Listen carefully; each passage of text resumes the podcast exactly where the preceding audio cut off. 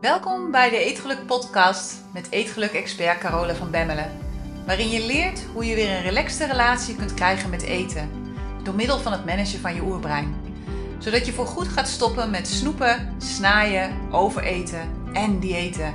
En weer trots bent op jezelf. Dag mooie vrouw, daar ben ik weer. En deze week heb ik echt een fantastisch onderwerp. Echt iets waar ik zelf heel, heel, heel veel aan heb gehad. Niet alleen als het gaat over mijn eetgedrag, eigenlijk over heel veel dingen in mijn leven. En dat is het nemen van kleine stapjes. En dan zul je denken, ja, de, kom ik er nooit. Maar echt geloof me, als je kleine stapjes neemt, kom je er sneller als wanneer je zeven mijlslaars aantrekt. Dus ik ben hier echt heel enthousiast over. En want vaak overschatten we wat we in een dag kunnen doen, maar onderschatten we wat we in een jaar kunnen bereiken. Alleen door het consequent zetten van kleine stapjes in de juiste richting. en nogmaals, je oerbrein vertelt je nu waarschijnlijk dat kleine stapjes niet opschieten. Maar het tegendeel is waar. Juist het nemen van grote stappen zorgt ervoor dat je nooit op de plek van bestemming aankomt.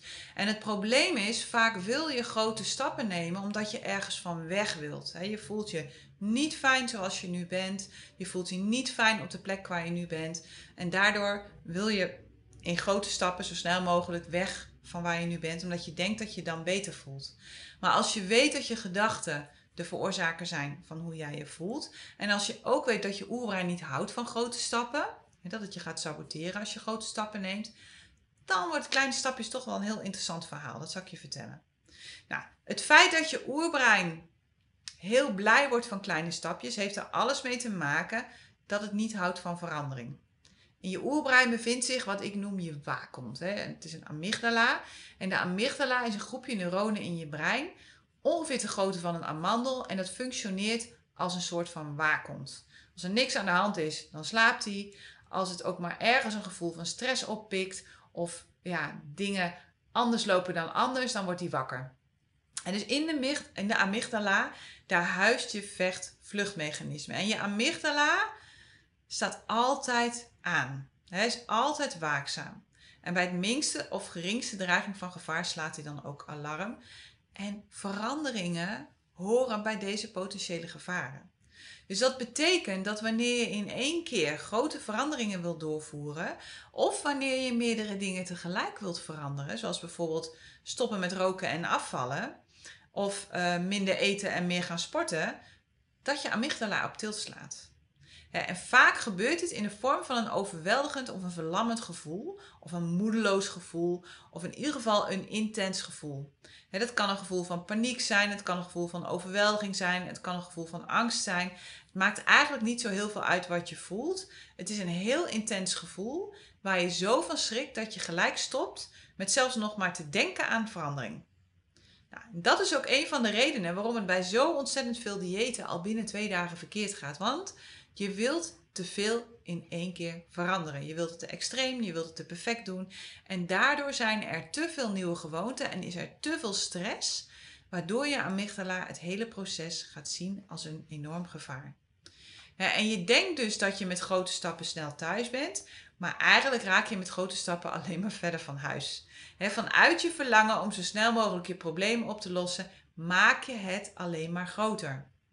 Dus beter is het om rustig en gestaag, stapje voor stapje aan de slag te gaan en jezelf ook de ruimte en de tijd te geven om hele kleine resultaten te boeken. Stel je wilt afvallen en je valt maar 100 gram per week af. Dan denk ik 100 gram per week is toch een pond per maand.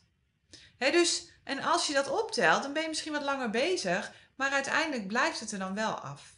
want wanneer je op een hele rustige manier, niet vanuit vechten en niet vanuit focus op waar je van af wilt, de dingen doet die je doet, dan wordt je amygdala niet, niet, niet wakker. Want dat voelt niet vervelend. Weet je, dat voelt gewoon heel rustig. En daardoor raak je niet geblokkeerd. Denk dan maar eens even aan die peuter van drie. Want dat is eigenlijk wat je oerbrein is. Je oerbrein is een peuter van drie. En peuter van drie laat je ook niet ineens mega grote projecten doen. Die laat je niet gelijk rondfietsen zonder zijwieltjes. Die laat je niet alleen in bad gaan. Die laat je niet ineens een brief schrijven. Het is ook niet van de ene op de andere dag zinnelijk en die kan ook niet gelijk vloeiend praten of lezen of schrijven. Dat gaat echt in superkleine stapjes, steeds een klein stapje erbij. Ik zal nooit vergeten, en het is zo'n mooie herinnering, dat toen wij de winkel hadden, dat we iedere anderhalf jaar meededen aan de modeshow van het ziekenhuis in Doetinchem. En de ene keer was het dan de wintercollectie en anderhalf jaar later was het dan de zomercollectie. Dus dat wisselde zichzelf een beetje af. En iedere anderhalf jaar organiseerden zij die modeshow voor de leden van de personeelsvereniging. Ja, misschien doen ze dat nog steeds, dat weet ik niet. Het zal nu misschien even wat lastig zijn.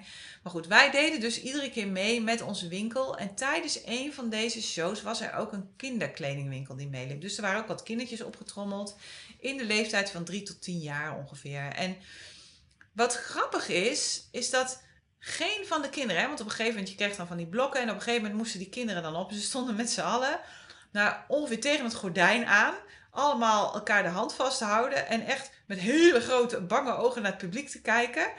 En echt zo te kijken, zo van, shit, nou moeten we erop, weet je wel. Nou, het was een hele volle zaal, het waren altijd hele succesvolle modeshows. Dus ik kan me dat heel goed voorstellen, dat is nogal niet wat. En toen was er een van die moeders die ging mee het podium op en die bracht heel voorzichtig de boel in beweging. Nou, en schoorvoetend kwam de een naar de ander het podium op. En op een gegeven moment was er één jongetje die had door dat het toch wel heel leuk was, al het publiek. Dus die liep het podium op en die begon zich steeds lekkerder te voelen. En die ging me daar een showtje weggeven, joh. dat wil je niet weten. Dat was echt zo gaaf.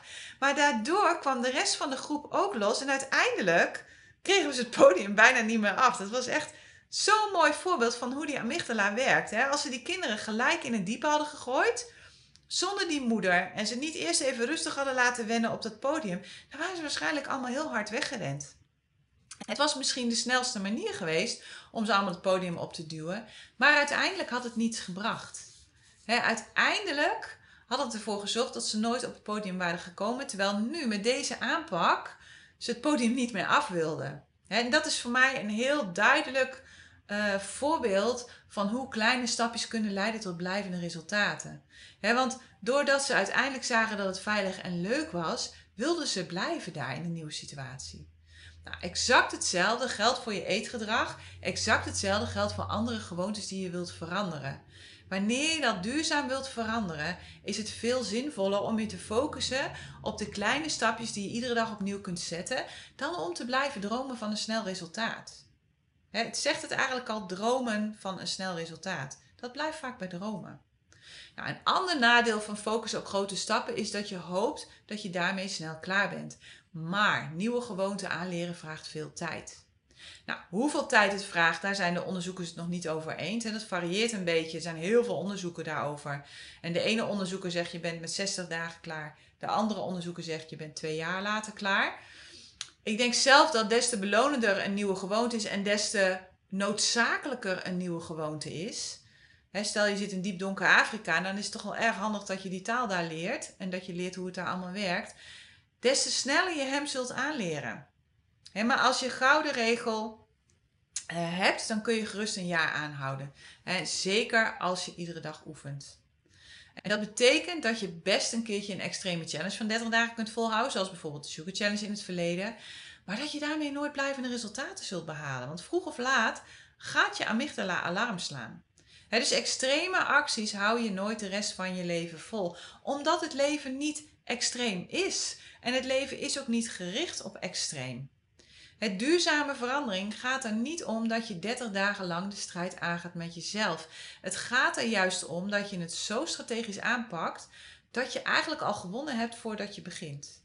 dus dat je het op zo'n manier doet en op zo'n manier regelt voor jezelf dat het niet voelt als een verandering. Een prachtig voorbeeld van deze stapjes is natuurlijk het hele beleid dat we de afgelopen twee jaar hebben mogen meemaken rondom alle coronamaatregelen. Stapje voor stapje zijn we meegenomen naar steeds meer maatregelen. En naar maatregelen die als ze in één keer zouden zijn ingevoerd, waarschijnlijk nooit het levenslicht hadden gezien. dus daarin zie je ook dat ze heel doeltreffend een strategie hebben toegepast van het zetten van kleine stapjes. dus de sleutel naar een relaxte relatie met eten is dan ook dat je eerst je brein verandert voordat je je lichaam probeert te veranderen. want je lichaam is altijd het resultaat van je huidige mindset. En het enige dat tussen jou en een relaxte relatie met eten instaat, dat zijn jouw gedachten over eten. Dus je zult het gedrag van je oerbrein moeten gaan begrijpen en je zult moeten leren hoe je dat kunt managen. want je oerbrein is een langzaam veranderende machine en dat is heel goed. Dat zorgt er namelijk voor dat je stabiel blijft. En dat is weer heel fijn, zeker omdat bij de meeste mensen vrijwel al hun gedachten automatisch gaan. Dat de meeste mensen zich totaal niet bewust zijn van wat ze denken. En het feit dat je brein langzaam verandert, betekent dus dat het veel herhaling nodig heeft voordat het een gewoonte zal automatiseren. En je kunt het ook wel zien als een puberdochter die iedere week een nieuw vriendje mee naar huis neemt. waarschijnlijk zul je dan als ouder zeggen, nou, we wachten het wel even af voordat we ze in de familie introduceren. Wanneer het een blijvertje is, dan uh, gaan we eens verder praten. Nou, hetzelfde geldt voor je oerbrein. Pas wanneer je een gewoonte consequent doet en consequent blijft doen, dan zal je oerbrein uiteindelijk aannemen dat het de bedoeling is dat deze gewoonte blijft op de lange termijn. Of dat deze nieuwe gedachte blijft voor de lange termijn. En wat het dan zal doen, is dat het hem zal automatiseren, waardoor je hem automatisch gaat doen, waardoor je de gedachten automatisch gaat denken, zonder dat je er nog over na hoeft te denken en zonder dat het moeite kost. denk aan autorijden, denk aan tandenpoetsen, denk aan jezelf douchen als je opstaat of voordat je gaat slapen. Denk aan het kopje koffie na het eten, of in mijn geval de kop thee met het stukje pure chocolade. Het ideale veranderingsproces is zo minimaal, dat is zo subtiel dat je het bijna niet in de gaten hebt.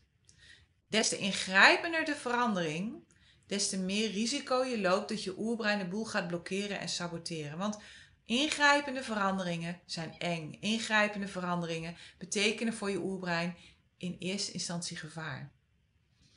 Niet voor niets sneuvelt ruim 92% van alle goede voornemens binnen twee weken, omdat de meeste plannen echt veel te grote stappen hebben.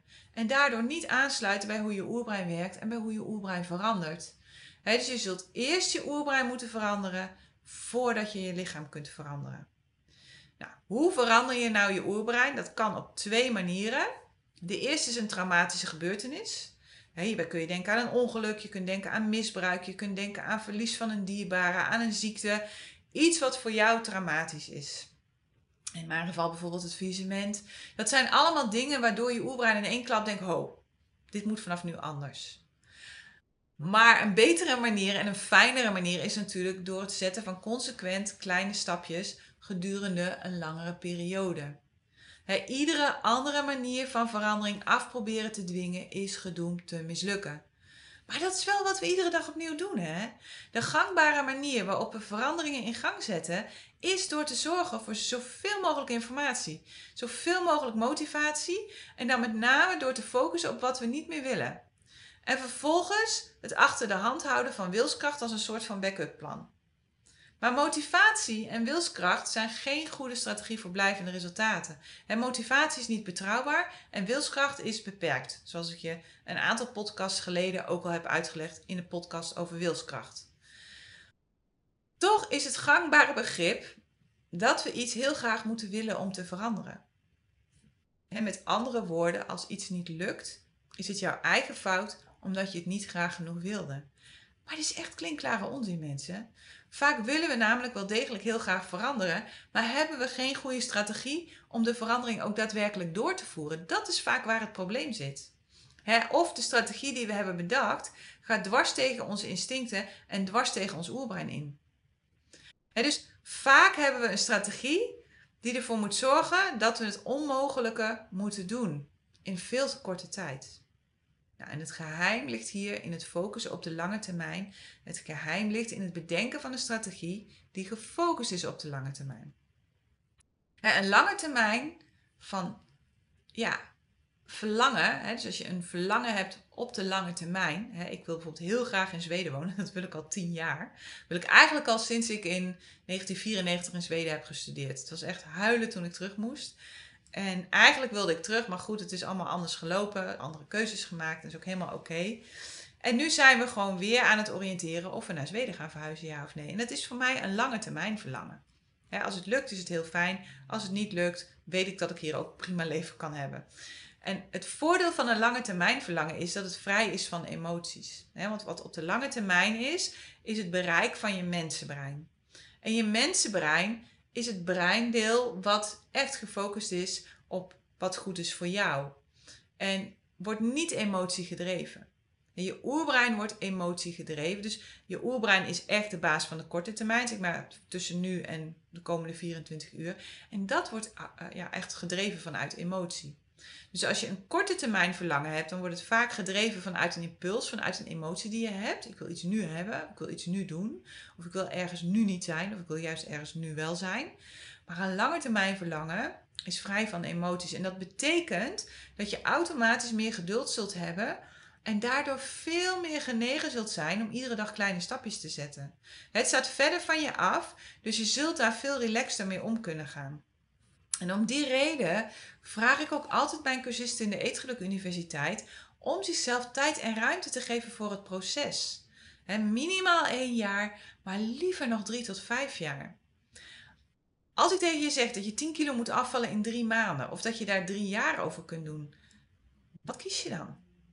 En als ik tegen je zeg dat je binnen nu en een jaar een marathon moet kunnen lopen, of binnen nu en vijf jaar.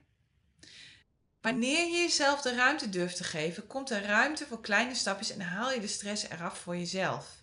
Joshua bijvoorbeeld, die wil heel graag naar de KMA, de Koninklijke Militaire Academie. En dat roept hij al heel lang. En hij doet nu nog een andere opleiding, een HBO-opleiding. En daarna wil hij dat gaan doen. En het mooie daarvan is dat hij nu al kan gaan trainen. Hij heeft gewoon bijna nog twee jaar de tijd om te gaan trainen, om in conditie te komen voor die KMA. en hij geeft zichzelf daarin ook echt de ruimte. En hij gaat in kleine stapjes, gaat hij nu in die richting bewegen. En dat is gewoon heel erg mooi, want daardoor haal je de stress eraf voor jezelf. En zeker ook als het gaat over afvallen, kun je nog steeds veel sneller afvallen dan je had gepland. Hè? Ook als je kleine stapjes neemt. En je kunt ook nog steeds veel sneller klaar zijn voor die marathon. Maar het fijne is dat er dan geen druk meer op staat. 100 gram per week eraf is toch een pond per maand. En het is uiteindelijk toch 6 kilo per jaar. En het gaat veel relaxter op die manier. dus wanneer je dingen snel voor elkaar wilt hebben, dan is het vaak gestuurd vanuit een emotie. Is het vaak gestuurd vanuit het oerbrein. je wilt dan vaak iets omdat je je nu niet lekker voelt en omdat je denkt en verwacht dat dit opgelost is als je je doel hebt bereikt. Nou, het gevaar van dingen snel willen doen is dat het vaak rommelig gaat, waardoor je uiteindelijk langer bezig bent dan wanneer je kleine stapjes had gezet. En het andere gevaar is dat je oerbrein je gaat saboteren, waardoor je helemaal niet vooruit komt. Maar wanneer je dromen en wanneer je wensen deel gaan uitmaken van een grotere visie, van een groter plan voor jouw toekomst, dan wordt het veel makkelijker om de juiste keuzes te maken op lastige momenten, maar ook om compassie te hebben met jezelf als het even een keer niet lukt, want je hebt tijd genoeg.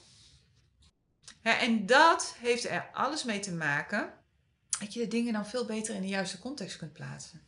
Je maakt dan keuzes die je helpen op de langere termijn, in plaats van keuzes die er misschien nu al even voor zorgen dat je je goed voelt, maar die je op de lange termijn niets brengen. ik ben, zit nu midden in mijn uitdaging om een jaar lang geen kleding te kopen. En het is nu, nu ik deze podcast opneem, is het half februari, want ik werk een beetje vooruit omdat we op vakantie gaan.